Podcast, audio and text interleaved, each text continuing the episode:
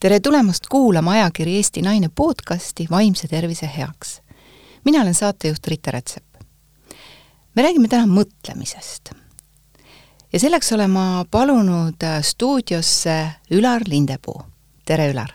tere! sina oled äh, meedium.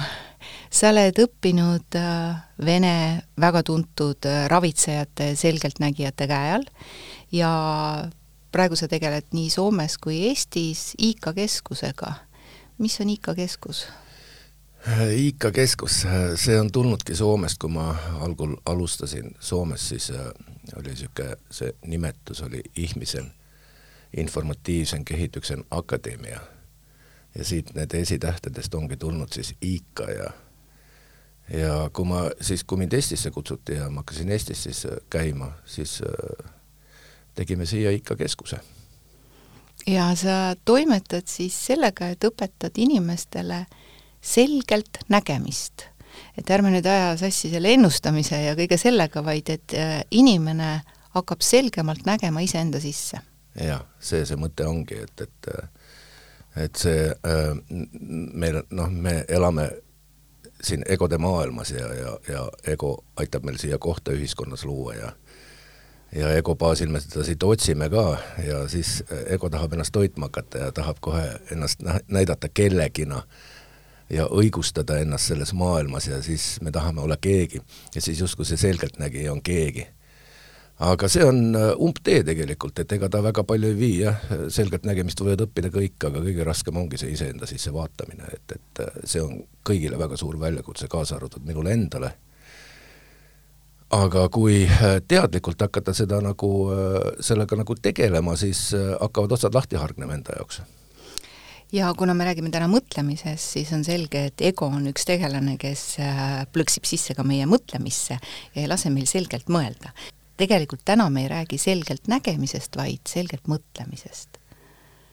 on nii? ja, ja, ja tegelikult ega see selgelt nägemine polegi ju mingisugune väga üleloomulik võime, et see on see on inimese loomupärane oskus, kui ta laseb selle ego lahti ja, ja hakkab kuulama, mis tema sees on. kas mõtetega on samamoodi?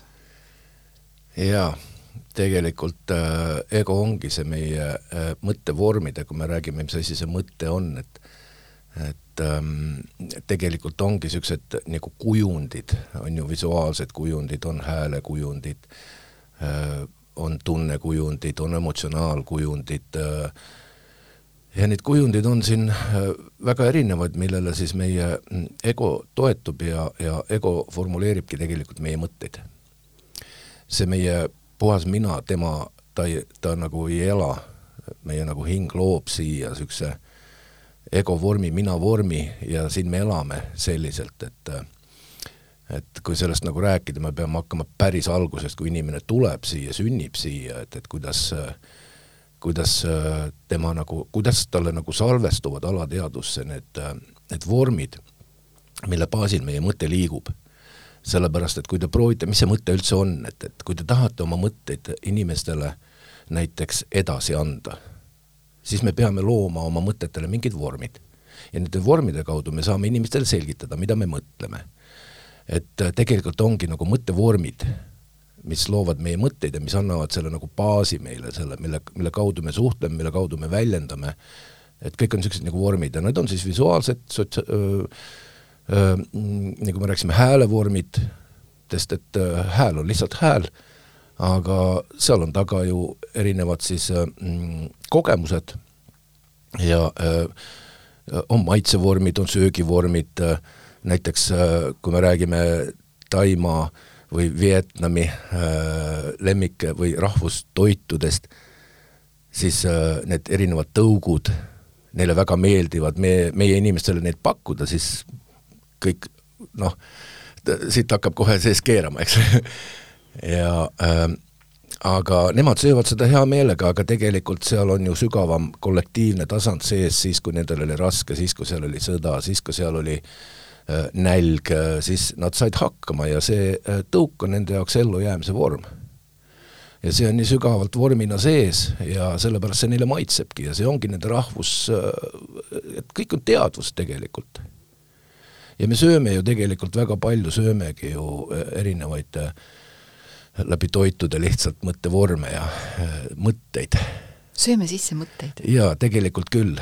kollektiivseid? kollektiivsed jaa, kollektiivsed, just nimelt kollektiivsed jaa et rahvustoidud ongi tegelikult, tegelikult nad sisaldavadki see, et meil on siin hapukapsas ja ja, ja, ja rannikualadel söödi silku, aga see on ka, see oli ju tol ajal ellujäämise vorm tegelikult, see silk ja, ja ja, ja põllu peal viidi ju heina niitmisele, mida seal viidi, nendes puukastides, karpides viidi silku ja mis, mis, midagi oli veel seal, mis viidi sinna lõunaks süüa.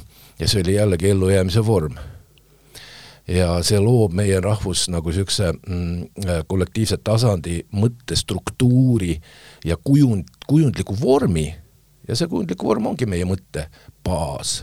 see on nagu kuuluvuse tunne siis? jaa, sest ma alustasin ju sellest, et ego tahab kuuluda kuskile, ta peabki kuuluma mm. -hmm. sest et muidu ta kaotab mõtte ära. kui me võtame siit maailmast ju hea ja paha ära või hea ja kurja ära, siis inimestel kaob elu mõte ära selle ümber kõik keerleb, aga see ongi, see ongi ego, duaalsus. ehk siis see kõik, mis meil on sees, seda me näeme väljaspoolt. ja, ja selle kaudu me hakkame siin siis elama siin ja meie ego hakkab siis ennast kaitsma kogu aeg, aga see on nii sügav ja pikk jutt, ma võiksin siin terve päev rääkida sellest, et aga võtame siis selle üksikisiku, mhm. et äh, Äh, üks on see, et me suhestume selle rahvusega, kus me siin täna ja praegu elame, meie oleme Eestimaal, eestimaalased, eestlased. ja, ja meil on oma kollektiivne mälu, mis annab siis meile ühtekuuluvustunde, äh, tunde kuuluda ka kuhugi ja, ja, ja see annab meile teatud sellise alusbaasi ja sellise olemise. nüüd läheks, läheks edasi, et kust tuleb näiteks mina siin ja praegu, mina Rita, kust tulevad minu mõtted? Minu enda isiklikud mõtted, üks on see kollektiivne teema, et noh mm, -hmm. ma, mhm. ma kuulun ja kõik see söögiteema ja kõik muu selline, aga kust nad veel on alguse saanud? okei okay,, see on hea küsimus, see on väga hea küsimus aga sel puhul me peaks veel varas, varasemasse äh, aega minema see, kui äh, nagu justkui võib-olla läheb liiga piiri taha see see tekst ja jutt siin, et, et me peame minema eelmisse inkarnatsiooni ja rääkima niisugustest äh, positsioonidest nagu ohvri positsioon.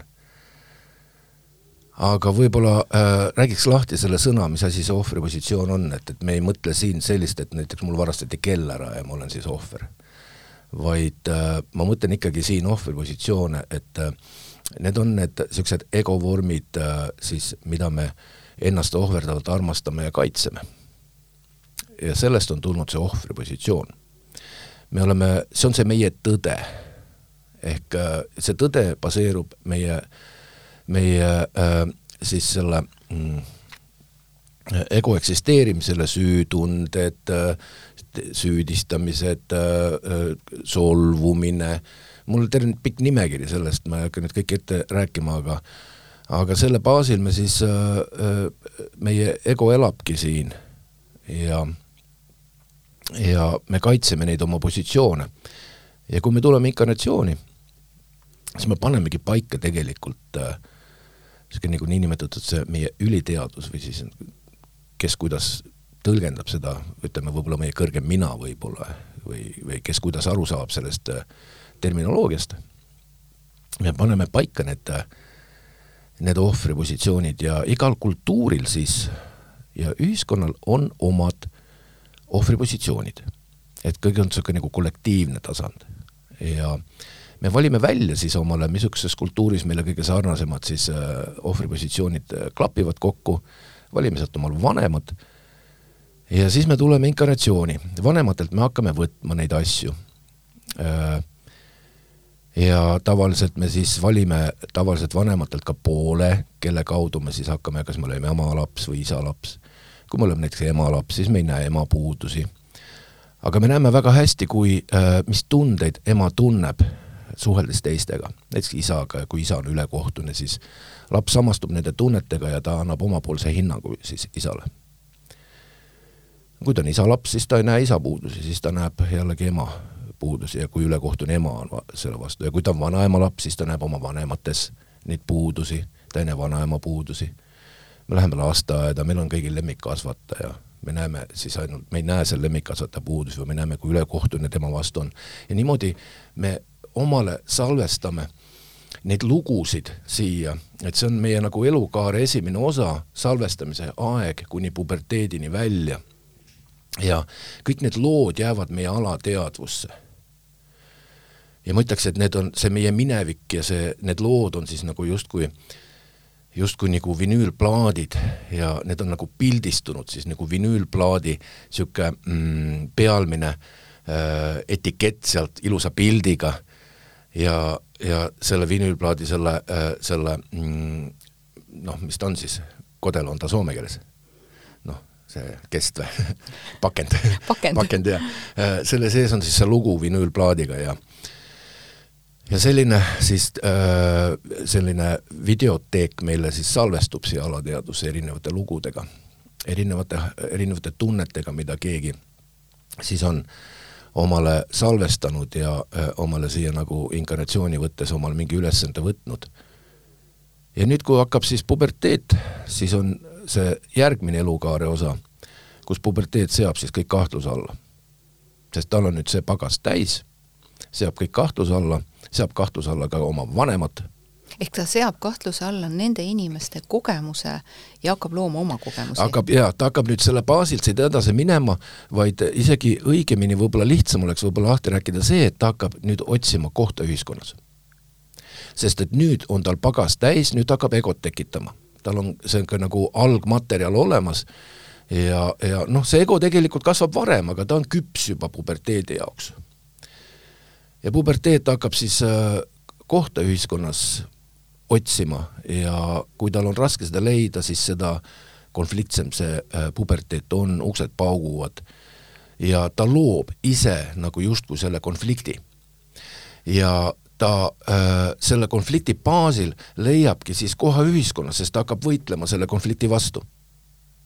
Ja hakkabki juba see sisemine dialoog pihta, sisemine võitlus pihta ja, ja tal on juba siis, ta kõigepealt peab looma konflikti, noh, nagu meie ühiskond siin toimub. loome konflikti kõigepealt, eks on ju, ja siis hakkame lahendama, et tekitame selle kurjuse ja siis hakkame hea, nagu head inimesed kõik lahendame nüüd seda kurjust, eks on ju. et niimoodi me mässame siin nagu, noh, nagu äh, Äh, siin kogu selle jama ümber me oleme väga loovad inimesed, me ise loome ja ise lahendame, ise loome, ise lahendame, aga me millegipärast teeme seda väljaspoolt kogu aeg. me ei puutu enda sisemaailma. vaata, siin ongi see vahe, et, et kui me rääkisime siin selgelt nägemisest, et et jah, me teise silmas seda pinda näeme, aga enda silmas seda palki ei näe, aga aga see teadlik tasand ongi see, et, et kui me õpime nüüd tegelikult äh, aktsepteerime endas neid protsesse, et kõik, mis meie sees toimub, seda me näeme väljaspoolt kõik, mis meie sees toimub, me tunneme väljaspool, sest me transleerime seda sinna. me loome nende detailidega ühenduse, mis meie sees on, me loome väljaspool, see vä-, maailm lihtsalt eksisteerib.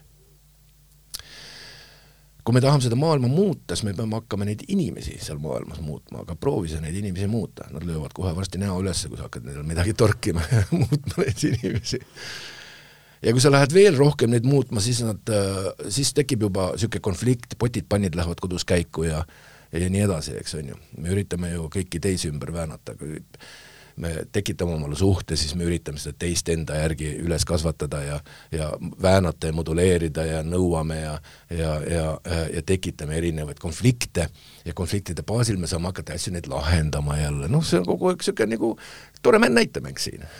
aga see on ka üsna inimlik, sellepärast et see, kuidas mina mõtlen, see on ju õige. sellepärast, et see on ju mulle harjumuspärane ja nii edasi ja kui see ei tule minu sellistesse raamidesse, mulle arusaadavasse keelde, siis on see ju vale. Jaa, jaa. et noh ego..., tüli tuleb ju ka sellest, et mõlemal ja, on õigus. jaa, jaa jaa, vot nii ongi ja ego räägib seda, et mul on õigus ja teisel on vale, sest ego ongi harjunud oma selle äh, otsusega, sest et kui laps nüüd tundis näiteks, kui ta oli emalaps, tundis äh, ema kaudu seda, seda äh, tuska, siis ta tegi otsuse. ja otsus ongi see nagu see mm, allalaadimine, ta laadis nüüd selle otsuse kaudu omale selle, selle tunde ja selle äh,, selle otsuse või mm, meelipide on siis nüüd soome keeles jälle, mul need eestikeelsed sõnad. sa oled just Soomest tulnud, sellepärast. just Soomest tulnud ja aklimatiseerumise teema. jaa, just alles eile tulin et võtab paar päeva aega, kui ma keelega kohanen. et meelipide, noh, minu, no tõde siis noh, noh jah. et see on egotõde, et, et et äh, ja ego võitleb selle eest ja see ongi see ohvripositsioon, mille eest ta võitleb. Tegelikult.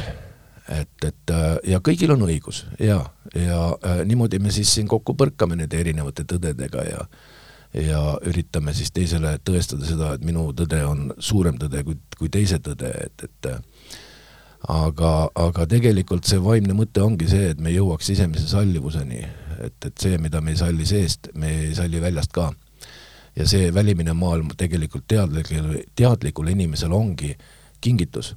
Et kõik, mis minus väljaspool äh, tekitab või välimine maailm tekitab minus sisemist konflikti, siis see konflikt on niisugune nagu platvorm, mille kaudu ma saan hakata vaatama ja enda jaoks lahti arust-, arutama enda sisemist protsessi. miks minus tekitas sellise konflikti et kui minu sees tekivad vastakad mõtted ja, mingitele ja. situatsioonidele, siis see on äh, informatsioon mulle minu enda kohta, et mille, mida ma tegelikult näha ei taha. jaa, täpselt, just, mida ma endas näha ei taha, et, et, et, et see ego, ego võitlebki tegelikult vastu seda, et, et sest et kui ma nüüd muudan selle ümber, siis see on e-, ego vormi mingisugune surm aga kui on sundmõtted, äh, mõtted ketravad peas, ei lase inimesi magama jääda, ei lase millelegi keskenduda, et selline tohutu mõtete virvarr on, kas kas me otsime seal siis mingisugust tõde, kas see on minu sees sellise harjumuspärase äh, egost tuleneva mõttemustri põrkumine minu sees oleva loojaga või mis asi see on, mis minu sees tekib, et ma niimoodi äh, ketran neid mõtteid? vaata siin ühest vastust otsin tõde või? jaa, kindlasti, me kogu aeg, me oleme kogu aeg kõik tõe otsingul kogu aeg. Et, et mm, et tegelikult noh, ühest niisugust vastust ei ole, peaks personaalselt vaatama, mis asi te, mis asi sellel inimesel magama jääda ei lase, et, et no, kas, kas on päevasündmuseid äh, väga ja, palju ja, olnud, et, et, äh, et ka näiteks kui mul on mingisugune uus projekt käsil, siis ma, siis minul on unetud ööd, sellepärast et ta on minu alateadvuses kõige pealmises kihis ja, ja ma panen ju päeval selle protsessi käima ja ja, ja, ja see protsess käib tihtipeale öösel edasi ja, ja, ja see inspiratsioon jookseb kogu aeg niimoodi, et ma jooksen mitu korda öösel arvuti juurde, kirjutan jälle ja siis üritan magama jääda ja jällegi, jälle mõtted tulevad pähe, jooksen jälle arvuti juurde ja jälle panen kirja ja vahest on mitu ööd järjest niimoodi, aga siis, kui see protsess käib läbi, siis on jällegi hea uni rahulik. aga ka teisi mõtteid võib tulla aga see mõtete virvarr ongi siis nagu meie aju otsib mingeid lahendusi, et ta püüab, püüab nagu panna seda talle, tõlkida talle arusaadavasse keelde, et, et mina ikkagi mõtlen ju mõtteid.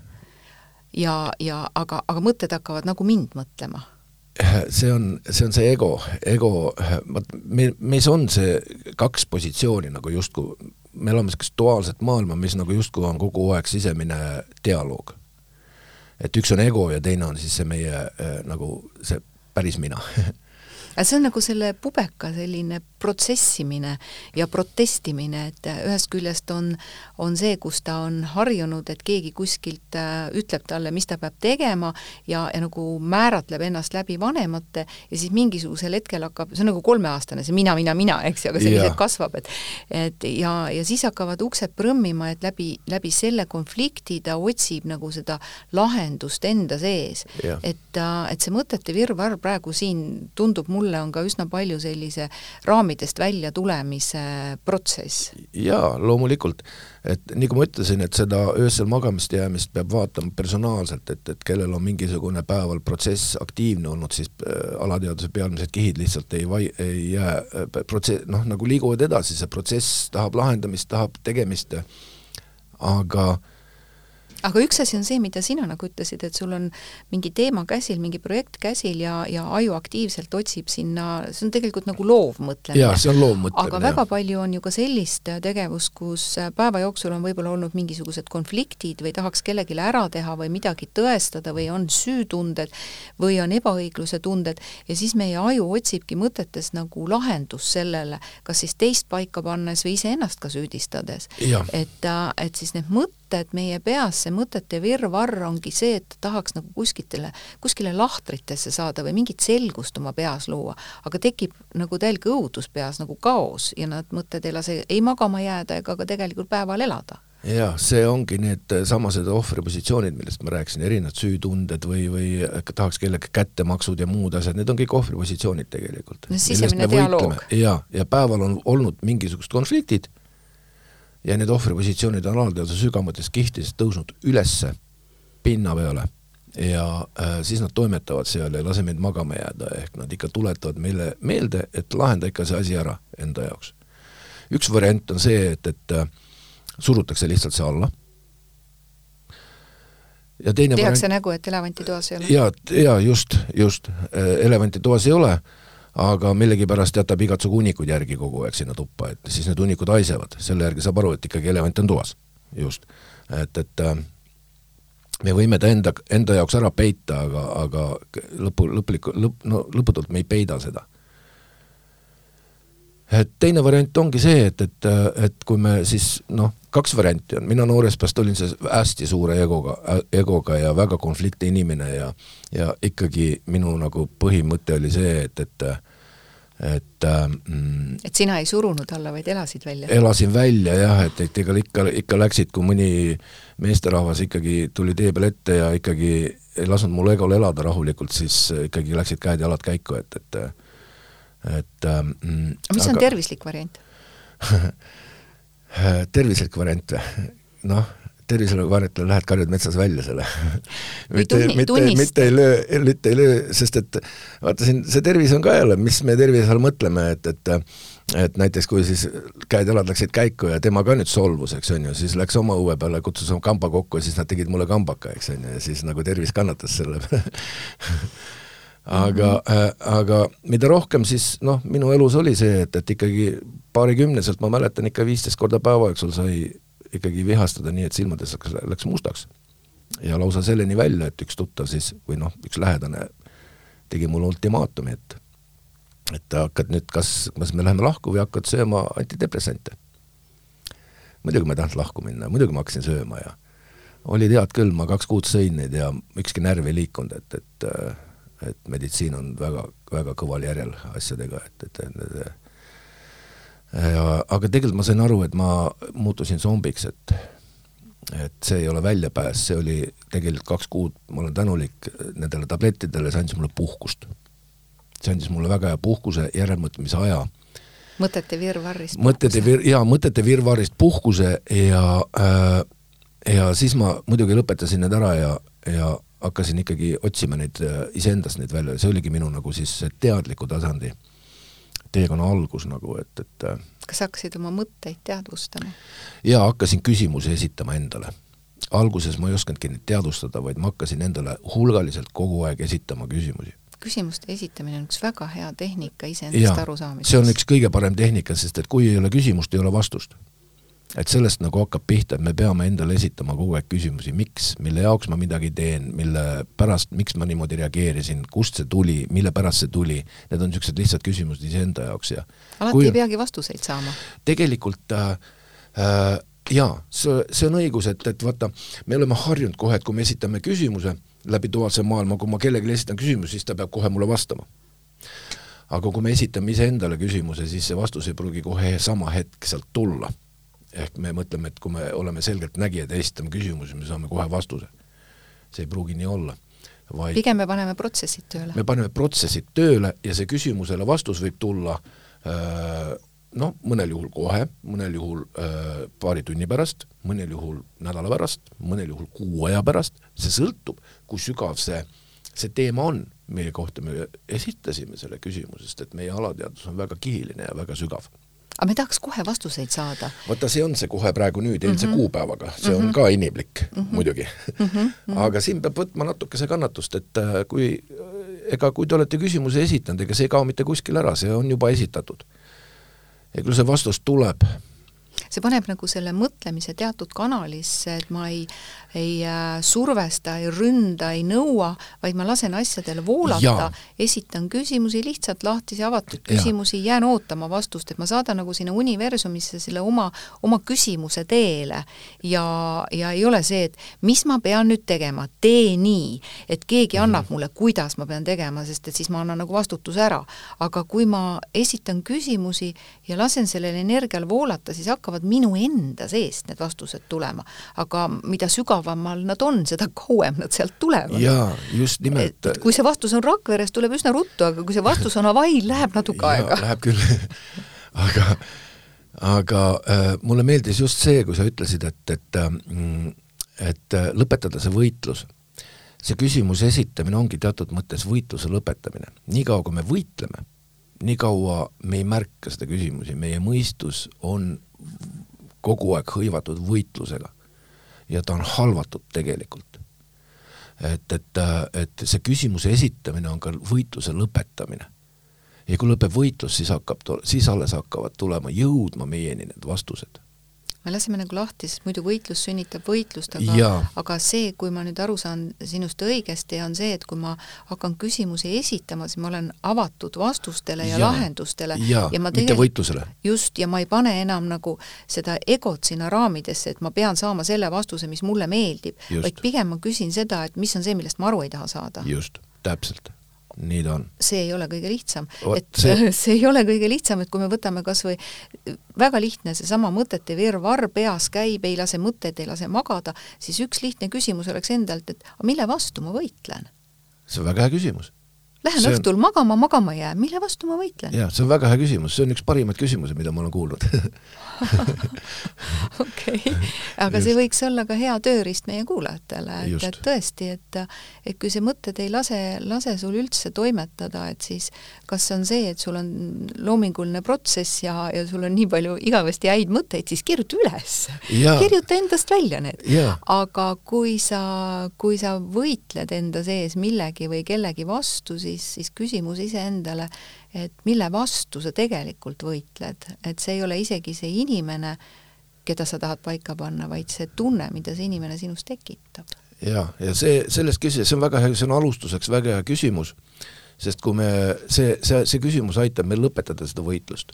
ja teine küsimus siia otsa võiks tulla ka siis see, et, et et mis asi see tekitab minus seda võitlust.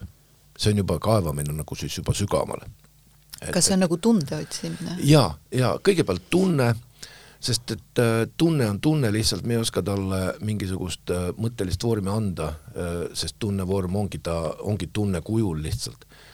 aga see tunne on tegelikult selle alateadvuse kaaneke, mis vormid seal all on, sest tunne on tegelikult nagu mõnes mõttes ka kaitsekiht et tunde kaudu me saame suruda kõik need, kõik need vormid, mis seal all on, ka siis need mälestused, sest et meie teadvus ja alateadvus on selline, et, et see tunne on justkui see äh, kaan, aga mis seal all on, ma rääkisin enne meie videoteegist, et meil on justkui neid vinüülplaate riiul täis meie alateadvuses. ja kui nüüd väljaspoolt tuleb impulss, ta tuleb meie teadvusse, tuleb meie ajusse, aju fikseerib, ahaa, okei okay,, niisugune info tuli meieni ja meie aju otsib nüüd meie alateadvusest, meie videoteegist nüüd vastava vinüülplaadi. vastava loo? vastava loo. et muist käima panna. ja, ja, ja, ja vanasti olid, ma mäletan, üheksakümnendad olid Soomes, olid need äh, jugeboksid. niisugune nagu metallkast ja peal oli klaaskuppel Ameerika jugeboksid on palju noh, ägedamad, ilusad ornamentidega, aga noh, soomlased on lihtne rahvas. Neile kõlbas ka niisugused ka. ja kui sa siis sinna läksid, äh, sinna baari, siis Margase panid sinna automaati, valisid nupud, olid mingi loo, vajutasid nuppu, vinüülplaat tõusis ülesse, nõel kukkus peale, mängid selle loo maha, nõel tõusis pealt ära ja vinüülplaat läks oma pesasse tagasi. ka meie alateadvus niimoodi toimub. et kui mingi impulss tuleb meile ajusse, siis äh, aju otsib kohe meie videoteegis selle õige vinüülplaadi, mille ta üles tõstab aga tunne ongi see, et kui see tunne räägib nüüd natukese sellest tundest, et see on midagi ebameeldivat, siis see tunne, äh, kui me läheme võitlusesse, siis see tähendab seda, et me surume selle vinüülplaadi alla tagasi, et jumala eest see vinüülplaat ja nõel ei kukuks sinna peale, et see lugu mängima ei hakkaks. me surume alla tagasi, see on see võitlus. aga kui me lõpetame võitluse, esitame selle küsimuse, selle fenomenaalse küsimuse, mis sa enne välja pakkusid siin, et mille vastu ma võitlen ja siit edasi, et mis asi see tekitab minus seda võitlust. vot see ongi see, et ma hakkan nüüd siia kaane alla ja ma luban sellel plaadil üles tulla. ja ma pean aktsepteerima seda, okei okay,, see on ju minus.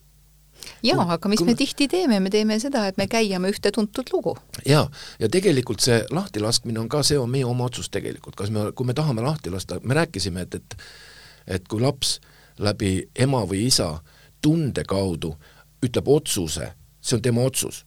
Ja see otsus tähendab seda, see hinnang, mis ta annab nüüd isale või emale, see hinnang ongi see otsus, mis laeb alla talle selle loo. aga kuidas me saame nüüd delete ida seda oma oma nagu videoteegis seda, see on ka täpselt sama otsus. see on nii lihtne tegelikult. aga kas me oleme nõus lahti laskma sellest loost? kas minevikku saab üldse muuta? saab. see, see vastus tuli sul kohe nii ruttu saab, sellepärast et, et kõik on ju positsioon, kuidas me positsioneerime ennast minevikku. see ongi meie tõde, on ju, kuidas me teda vaatame. kas see põgenemine ei ole? ei, ei põgenemine ei ole see, et, et, et jaa, see on hea, hea äh, küsimus, et kas ei ole põgenemine, vaid ma võtan selle nüüd loo, mis mul siin on. ma vaatan ta uuesti üle ja annan talle uue hinnangu. eks see ongi ju minu, see ongi minu mineviku muutmine, ma muudan selle jaoks positsiooni ära. ma kuulan teda teisest vaatenurgast. jaa ma tean, et ta on olemas, ma ei, ei suru teda alla, ei tee nägu, et teda ei ole, vaid ma tean, tean, et ta on olemas, aga ma ei anna talle enam sellist tähendust, et ta ei mõjuta mind sellisel kujul enam. sa annad talle uue loo. sa, sa annad talle uue nagu sellele loole uue tähenduse? uue tõe. uue tõe, okei okay.. annad uue tähenduse, uue tõe mm. -hmm, mm -hmm. sellepärast, et, et äh, lastele ju kõik äh, tundub ju suurena, kõik need kogemused ja, ja lauad tunduvad suurena ja toolid tunduvad suurena ja vanemad tunduvad, tunduvad jumalad taevas. ja jumalad taevas ja, ja ja, äh, ja kõik need tunduvad nii suurena ja ülepääsmatuna, need asjad, mida nad endale salvestuvad, aga nüüd nad on ise suured. nüüd võiks need asjad kõik ümber vaadata ja enda jaoks nagu uued otsused ära teha, see vana lasta minna ja mul tuleb jälle meelde, ma olen äh, siin äh, saadete jooksul korra seda juba maininud, aga aga minu meelest see sobib siia ka, et võib-olla meie kuulajad kas ei mäleta või, või ei ole osad seda kuulnud, aga, aga äh, ühel konverentsil mul üks kolleeg ütles sellise lause, et et vanemad kasvatavad meid kaheksateist aastat hoole ja armastusega ja ülejäänud elu peame selle jamaga tegelema. Just et, et nii ta on, aga, aga siis äh, kui me sellest pesast välja lendame, siis äh, äh, oma päritolu pesast nii-öelda välja lendame, siis loomulikult me ei saa seda ära kustutada, see jätab meil kõik jälje, mis me oleme enda sisse siis sinna kõvakettale või sinna ära arhiveerinud, aga, aga nüüd see, kuidas me seda lugu edasi hakkame kirjutama, on juba meie enda vastutus jaa, äh, see on ka jällegi väga hea mõttelõng siit edasi, see, et me ei saa ära kustutada, me ei peagi ära kustutama, vaid äh, kõik on hinnang. ja kui me viime oma hinnangu tasakaalu, siis on see, äh, siis on, siis ongi see tasakaal, harmoonia, meie meelerahu. ehk nii negatiivne kui positiivne on hinnang. mõlemad on kaldu kuskile. sellepärast, et meie see meel ja, meel ja ego on nii kaval tegelikult, et kui me läheme liiga palju näppima neid, neid, mida see ego kaitseb, siis ta juhib meid väga kiiresti kohe kuskile, viib meid shoppama näiteks, eks on ju. see on ju positiivne, eks on ju. mehed lähevad ehituskauplusesse, nad vaatavad sealt riiuli pealt äh, kõike ilusat äh, värki ja siis mõttes ehitavad juba maja valmis ja ego juba mõtleb, kui suure pika pai nad saavad, eks on ju. et nad on suure maja valmis ehitanud, nad pole veel midagi korvigi jõudnud laduda noh, naisterahvad lähevad poodi, siis ilusad sädelevad kleidikesed ja mis seal kõik, eks on ju, ja pole veel selgegi proovinud, aga juba nad kujutavad ette, kuidas nad poodiumi peal säravad ja nad saavad väga hea suure kiituse pai, eks on ju, et, et et noh, et see justkui on positiivne, aga see on jällegi ego meele, meelepettus, ta viib meid selle negatiivse pealt justkui positiivse peale ja, aga see on ka hinnang. et aga kui me suudame selle enda jaoks ära tasakaalustada, et, et meie jaoks ei tekita ebatasakaalu mitte negatiivne ja positiivne, vaid me oleme tasakaalus. ehk see ongi see, et, et sallimatus on see siis nagu negatiivne ja ka sallimatus mõnes mõttes on ju positiivne, eks on ju mm? -hmm. Mm -hmm kuidagi päris raske oli selle mõttekäiguga kaasas olla, et ma püüangi aru saada, et et kui me, kui me oma mõttemaailmas äh, anname hinnanguid, siis me nagu kaitseksime enda peas loodud positsioone. ehk hinnang on siis kuskilt maalt ka selline tegelane, mis annab minu egole natuke nagu toitu või Suure, õigustab või? suurepärane, see ongi ego toit. ja Aha. ego tegelikult tahabki kogu aeg toitu. ja nii kui me rääkisime toitumisest, siis need äh, rahvustoidud, mis me rääkisime tõukudest, eks on ju siis see justkui annab egole väga suure toidu, sest kui ta neid tõuke söövad, siis nad tunnevad ennast väga hästi. aga tegelikult, mis asi ta on? proteiin, eks on ju. tegelikult, kui me võtame mineraalsel tasandil. aga kui me võtame selle toidu teadvuse tasandil, siis on seal väga suur toit, mis, mida tegelikult toiduga koos ego kogu aeg sööb. informatsioon. informatsioon, jah. et, et et, et selliselt me siin elame aga kõik on vaja tasakaalu, sisemiselt panna tasakaalu. et äh, mitte midagi ei ole vaja ära visata, ära kustutada või, või millestki loobuda, nagu just äh, võib tekkida oht, et me põgeneme tegelikult, väga hästi ütlesid, siin on väga suur no oht, kui ei taha näha, siis ja, ei näe ja, ja nii edasi. ja, ja põgeneme ja samamoodi me siis justkui nagu negatiivselt põgenemegi justkui positiivsele. aga see positiivne on ka täpselt samamoodi meie hinnang sest see on mingisugused aktsepteeritud sotsiaalses keskkonnas asjad, mis on aktsepteeritud, aga aga kui me vaatame suuremat pilti, siis no on palju asju meie ühiskonnas, mida, mis on siin nagu lubatud ja on positiivne, aga mõnes ühiskonnas saab sama asja eest, võib surmanuhtluse saada. et kummal ühiskonnal siis on jälle rohkem õigus jällegi.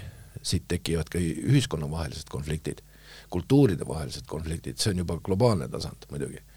et me räägime mitte ainult sotsiaalsest äh, või kollektiivsest teadusest, vaid ka globaalsest kollektiivsest teadusest et, et need asjad lähevad juba liiga võib-olla suureks ja kaugele võib-olla. jah, ma just mõtlesin, et, et noh, mina, mina siin lihtsa inimesena oma mõtetega toimetulekul mm, -hmm. et ma saan aru, et võib-olla mingisugused mõtted minu peas on hinnangud minu siis kas päritolu perekonnale või mingitele sündmustele või mingitele inimestele, kes mu elus on olnud, ja, ja nendega ma siis äh, neid mõõt-, mõtteid mõeldes selliselt, nagu mina neid mõtlen, äh, ma kas toidan oma ego või äh, või siis noh, ka õigustamine, kõik muu on ju ego toitmine mm, -hmm. ja, ja ma püüan leida selle läbi ego siis oma, omale lahendusi. muidugi -hmm. enda suhtes olles väga hea advokaat, eks ju, ja teise suhtes ikka noh, cum laude prokurör ilmselgelt, eks no,.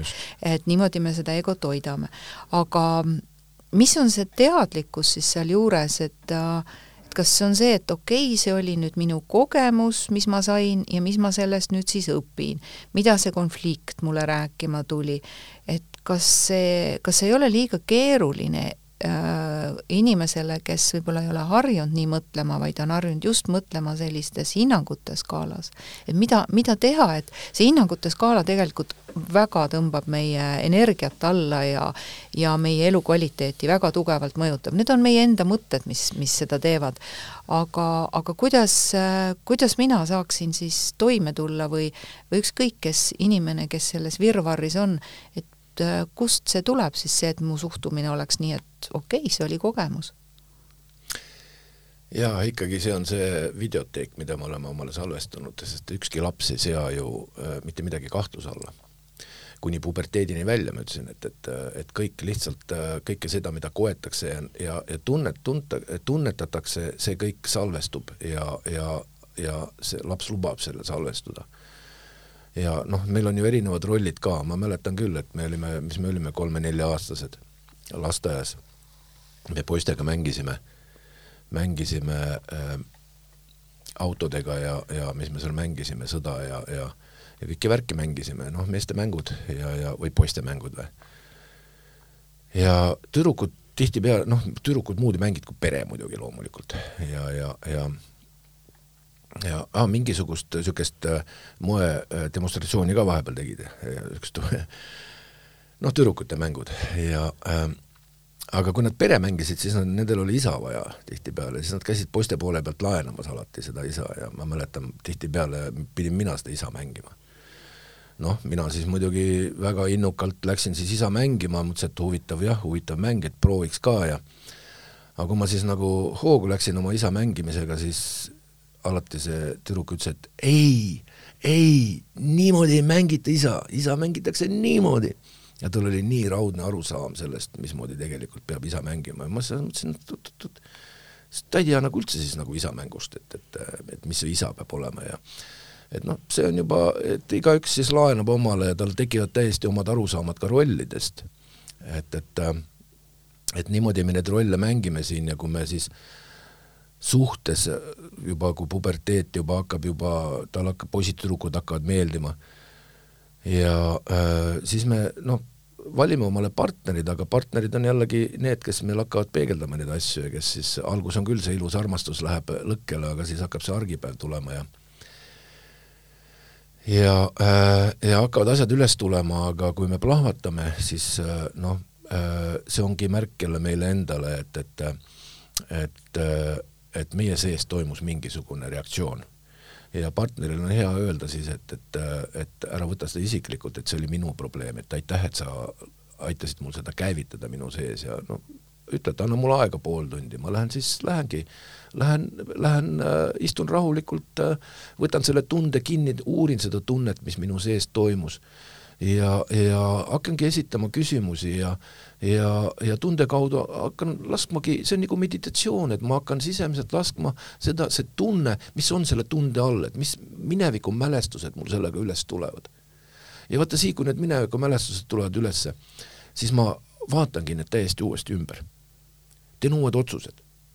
tead, kuidas hakkavad inimestel mõtted ikkagi peale plõksima? et äh, see oleks ideaal, kui me tõesti istuksimegi maha, et stopp, see on minu probleem praegu, sest et mina ju reageerisin. ma ju ei reage-, reageeri, kui see ei ole minu probleem. ja kui ma reageerin selle peale, siis millist tarkust see tegelikult nõuab öelda teisele inimesele praeguse näite puhul, eks, et, äh, et stopp, ma nüüd lähen, ma mõtlen, ma vaatan, mis on see, mida see konflikt mulle ütleb, mis mõtted minus tekivad, mis tunnemus üles kerkis ja ma tegelen sellega esimene reaktsioon on emotsioon tuleb kohe tunde pealt, sest emotsioon ja. on reaktsioon ja see on kohe võitlus, kohe on vaja ja. ennast positsioneerida tugevamana. et, äh, et see oleks üks väga tark hetk hingata, minna korraks sellest keskkonnast välja ja mõelda, mis mõtted sul pähe nüüd tulevad jah, kas või selle kaudu, jaa, selle kaudu ka võib, et, et võib-olla ma tegingi asja liiga keeruliseks võib-olla aga tegelikult noh, mina olen niimoodi äh, harjunud, sest kui ma ikka viisteist korda päeva jooksul vihastasin, siis mul ainult, mul oli kaos kogu aeg sees tegelikult. ego kogu aeg kaitses mingisugust jama sees. kuidas sa nüüd teed? aga nüüd teengi niimoodi, et, et noh, tänapäeval ega ma väga palju ei plahvata, et, et, et kuna see kehatundlikkus on nii äh,, nii nagu mm,, nagu heaks läinud, et, et et ma tunnen keha järgi, et kui minus mingi protsess käima läheb. süda hakkab kiiremini lööma. jaa, süda hakkab kiiremini käima, ma tunnen oma keha ja ma juba saan aru, et minus mingisugune, mingisugune väljaspoolt tulev impulss, mingi info tekitas minus, minu kehas resonantsi. ma juba selle kaudu lähen otsima. ma ütlen, võib-olla ma plahvatan võib-olla noh, paar korda aastas ka minul toimub see ja ma pean laskma me oleme inimesed me oleme inimesed ja, ja, ja, ja mul on kodus, kui ma plahvatangi, siis äh, peale seda plahvatust ma ütlen asjad, kui aitäh, kuule, et, et äh, aitasid mul seda plahvatust tekitada, eks on ju. muidugi ta esialgu ehmatab, aga teen talle suure kalli ja ja ütlen, et las ma nüüd protsessin oma asju läbi, et, et ära võta, võta seda isiklikult, loomulikult ta saab aru sellest. ja täpselt samamoodi ma annan naisele aega, kui naine plahvatab, siis äh, ma mõistan, et, et loomulikult ta tekitab ka minus kohe frustratsiooni, kui keegi kõrval plahvatab, loomulikult ma ka reageerin sellele, aga ma lasen ka sellel oma reageeringul siis äh, äh, tulla ülesse ja äh, me mitte ei jookse laiali ja hakka lahutust peale seda Äh, nõudma teineteiselt, vaid äh, lähme protsessime ära ja teeme pika pai ja ongi üksteisele ja ongi jällegi äh, südamed lendavad silmist niimoodi jälle, nagu multifilmis, eks on ju. Te mõtlete oma mõtted ise selgeks? jaa, me, me mõtleme oma mõtted selgeks, et, et et see ongi see, et, et see on väike niisugune vastutuse võtmine, et kui me ei võta oma mõtete eest vastutust, kui me ei ole seda otsust teinud, et, et et mina olen oma maailma meister, ainult mina saan seda muuta, seda, sellega tööd teha kui me seda otsust enda jaoks ära teinud ei ole, siis äh, loomulikult meil on raske, meil on vaja see otsus täiesti teha, me peame võtma täieliku vastutuse iseenda oma mõtete eest. sest mõtted kujundavadki selle elu ju, mida just, me elame. ma äh, tsiteerin sulle sind ennast, et äh, Äh, ma leidsin äh, kunagi ühe lause, mille, mille sina oled välja öelnud ja mille ma panen, olen pannud oma ühte kausta, kus mul on tähtsad laused. okei okay. Ja, ja üks selline mõttekäik, äh, mida, mida jagaks ka meie kuulajatega praegu, et mõtted võivad ravida keha, kuid keha ei saa ravida mõtteid. mõtted peavad olema tervemad kui keha. mõtted kujundavad sinu elu aju ei erista välismaailmas toimuvaid sündmusi nendest, mis on meie mõtetes. see annab meile vabaduse luua oma elu. aga me peame teadma ja suutma kasutada õigeid vahendeid. no väga tark mees on ju, ise ka imestad. ise ka imestan tõesti, et kui praegu meie kuulaja sinu nägu näeks, siis sa kohe kuulasid, et oo, kes selliseid ridu on no, öelnud et aga, aga nii ongi ja, ja siit edasi mul tekkis selline mõttekäik, et me ütleme üksteisele üsna tihti või meile öeldaksegi, et no kuule, saa üle, mõtle positiivselt. aga kui mul ikka on väga halb olla, siis äh, kuidas me siis saame nagu mõelda positiivselt või see mõtlen siis positiivselt ja jah, ma olen ju tark ja teadlik inimene, mõtlen positiivselt, aga see on ju põgenemine.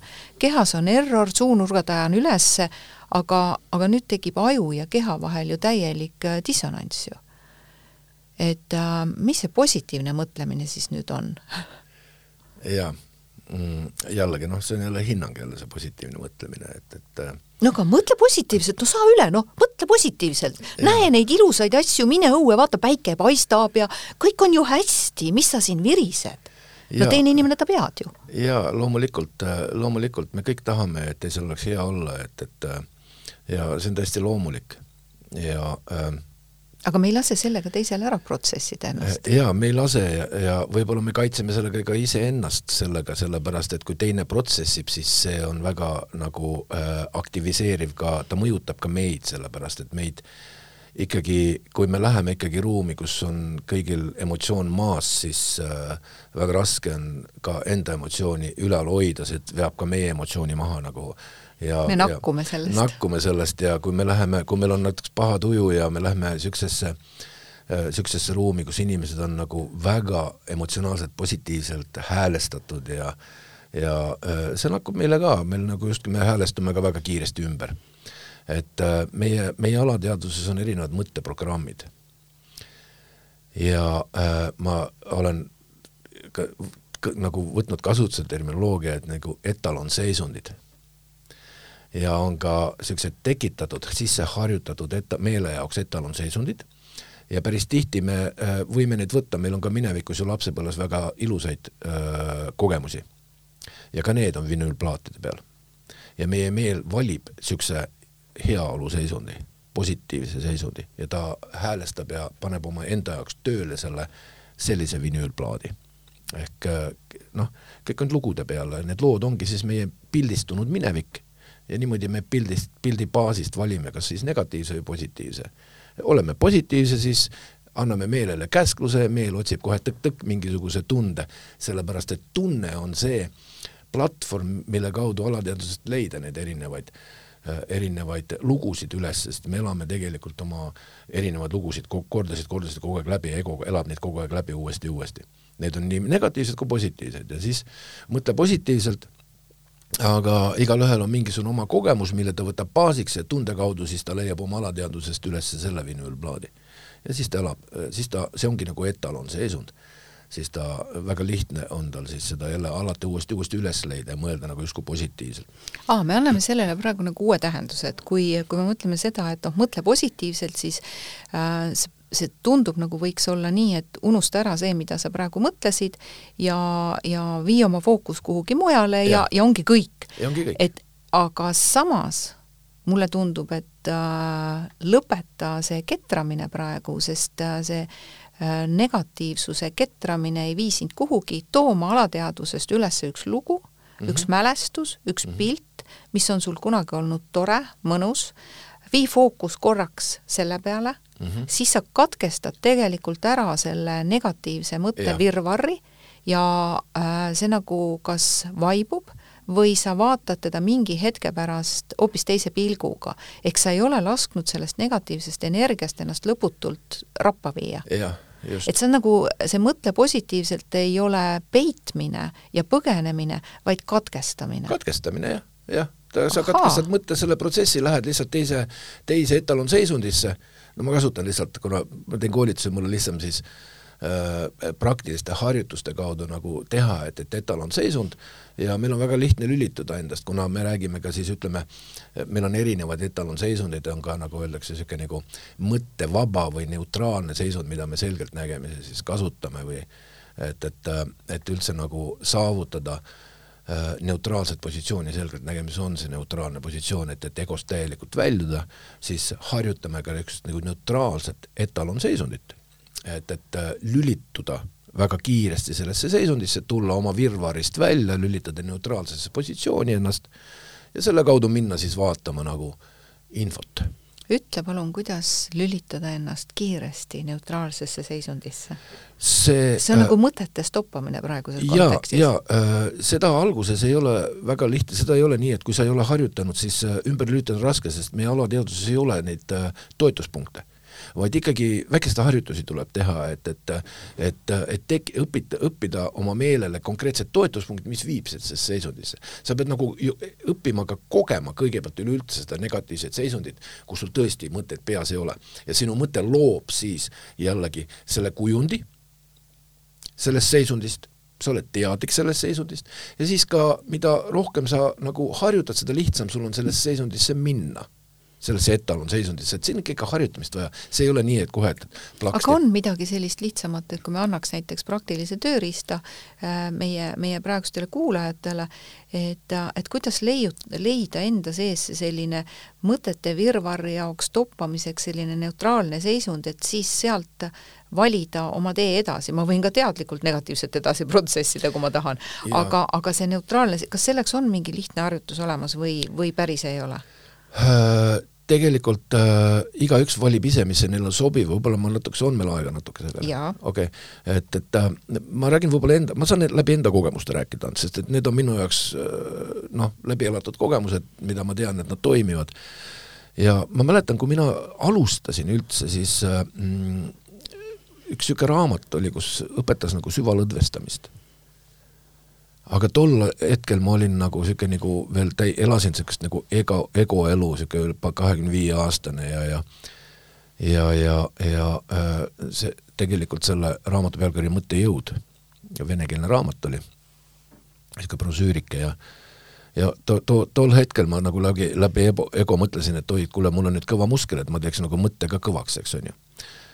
aga ma pettusin selles raamatust, et kõigepealt õpetas süvalõdvestamist ja mul võttis aega nelikümmend minutit oma keha täiesti süvalõdvestunuks saada ja stopata kõik mõtted ära peast. Öeldakse, et võidavad need, kes oskavad paremini lõdvestuda. jah, just, just nimelt, aga ego sellest, ego alguses ei tahtnud seda aktsepteerida ja üldse see ei olnud tema, tema nagu teema üldse. tal oli vaja lahendada hirmsasti. jaa, tal oli vaja võidelda, ego on see võitleja tüüp, et, et äh, aga äh, seal hästi nagu iga päev teha korra seda harjutust lihtsalt nagu lõdvestusharjutus? see on nagu meditatsioon. jaa, lähed pikali äh,, annad kogu kehale käskluse, et äh, keha lõdvestuks, muidugi keha kohe ei lõdvestu, ja, ja siis hakkad käima, annad oma väiksele sõrmele käskluse, et see väike sõrm lõdvestuks, muutuks äh, soojaks ja muutuks raskeks, et ja annad aega natukese hetke sellele, et see sõrm reageeriks sellele ja ja siis teine sõrm ja kolmas sõrm ja käid oma sõrmed läbi, käelabad, käed, varbad, jalad, kõik nagu läbi. mul võttis see nelikümmend minutit aega. no mõte läheb vahepeal rändama, siis tule tagasi. ja tuled tagasi ja, ja, ja äh, kahe nädala pärast mul võttis kakskümmend minutit aega ja, ja seal muidugi õpetati tegema niisugune ankur ka, ankur on niisugune nagu mingisugune kujund, sõnaline kujund või ma panen sõrmed näiteks äh, noh, risti või, või sakutan kõrva või, või, või äh, loon mingisuguse sõnalise mantra või endale, et kui ma selle seisundi saavutan, siis ma ütlen, lausun selle mantra, see mantra on nagu see, see ankur, mis mind edaspidi viib momentselt sellesse nagu neutraalsesse positsiooni. Et iga kord, kas positsioon. selle ütled või võtad kõrvast kinni ja juba tekib see jaa, juba tekib selline efekt, aga ma pean kõigepealt harjutama ja mul võttis aega alguses noh, mul läks tegelikult kuu aega aega, kahe nädalaga ma suutsin juba kahekümne minutiga lõdvestuda, mu keha lõdvestus kiiremini ja kuu ajaga oli niimoodi, et, et äh, ikkagi ma läksin pikali, ma käivitasin ankru ja ma olin tegelikult loetud sekunditega, mingi viisteist, kakskümmend sekundit ja mu keha oli täiesti lõtv. eks see on niisugune hetkeline minek, aga kuu aega oli vaja harjutada see nõuab süke, järjepidevust. see nõuab järjepidevust, aga kuna ma olin ikkagi, lõpetasin need medikamendid ära või selle, need, need noh, mis need on, antidepressandid, lõpetasin ära ja, ja ma pidin hakkama, muud võimalust ei olnud, kas nüüd söön edasi neid, olen edasi zombi või ma ikkagi hakkan iseendaga tegelema. see süvalõdvestamine oligi siis see algus, sellest ma hakkasin siis nagu seda neutraalset, et ma nagu üldse jõuan üldse oma egost välja et ma, et ma, et ma üldse hakkan teda kõrvalt vaatama, niikaua kui ma olen ego lummuses, niikaua ma ei suuda mitte ühtegi otsust teha ja ma olen kogu aeg võitluses. ma pean siit ego lummusest välja tulema selleks, et oma mõtteid vaadelda, tuleb korraks pea tühjaks teha ja, ja. vaadelda tegelikult iseennast seestpoolt. just. sest mõtted ajavad meid pingesse. ja, ja, ja nüüd lõdvestunud kehas voolab ka mõtteenergia vabamalt. muust energiast rääkimata. jah, just loomulikult mm. -hmm. et, et selleks, et oma mõtetega tegelema hakata, me saaksime alustada sellest, et me alustame iseenda keha lõdvestamisest. jah, see võikski olla kõige algus. minna ja... oma keskmesse, kuulata oma keha. mitte sa... mõtteid, vaid keha. keha, kõik, et sa oled täiesti neutraalne, et sinu peas ei liigu ükski mõte, sinu keha on täiesti lõdvestunud, et sellest võiks alustada nagu ja, ja siis saavutada see neutraalne positsioon, õppida see saavutama, siit edasi juba, see, need oleks esimesed sammud tegelikult. sellega me loome sisemise rahu. Ja, ja kui meil on sisemist rahu rohkem kui sisemist müra, siis me kontrollime ka oma mõtteid rohkem. ja, ja siis meil on see tööriist olemas, see neutraalne etalonseisund ja kui mul see olemas, siis edasi on juba lihtne, ma saan väga lühikese ajaga, saan minna sellesse neutraalsesse etalonseisundisse ja ma saan edasi hakata vaatama seal. Ehk ma ei pea, ma ei pea nelikümmend minutit ootama, ennem kui ma saavutan selle, vaid, vaid mul on see tööriist juba olemas. ehk see on nagu algus üldse, kust nagu võiks nagu pihta hakata. see on neutraalse seisundi, et te olete vaatleja kõrvalt, suudate vaatlejad, sest kui me oleme ego lummuses, siis see lööb lained peakoolu kokku, me ei näe mitte midagi, me läheme kaasa sellega. no siis on ainult automatism, nii nagu me oleme harjunud kogu aeg. täpselt teate mis, head kuulajad ja hea Ülar, mulle tundub, et siin oleks praegu võib-olla isegi hea lõpetada just sellega, et me saame praegu kõik äh, panna saate kinni äh,, leida endale selline mõnus nurk, mis saabki olema meie enda mõnus nurk, kus me palume, et keegi meid ei sega, võtame selle aja iseenda jaoks ja ei prae oma mõtetes, vaid äh, viskame pikali, õpime kõigepealt lõdvestuma teeme paar sügavat sissehingamist ja veel pikemat väljahingamist ja hakkame kuulama oma keha ehk tuleme tagasi oma keskmesse. mõtted on meid sealt ära viinud. jaa, ma ka lõpetuseks ütleks, et see ongi esimene samm oma aja leidmises et kui me, see on ettekääne, et meil ei ole aega, see on ettekääne, see, see, see on ego ettekääne, et, et ära sa jumalast torgi, aga me peame selle aja võtma kas või kakskümmend minutit päeva jooksul, igaüks võtab omale siis selle aja ja alustab iseendaga tegelemisest. kakskümmend minutit päeva jooksul ei ole palju. leiame selle aja. just. väga tore. aitäh, Ülar, et sa tulid. aitäh, et kutsusid. aitäh, kuulajad, et te meie mõttekäike jälgisite ja kuulasite ja tegeleme siis oma mõtetega teadlikumalt, võtame vaatleja positsiooni ja jätame selle ohvri rolli siis kõrvale ja selja taha, las ta olla. kõike head kõikidele, aitäh!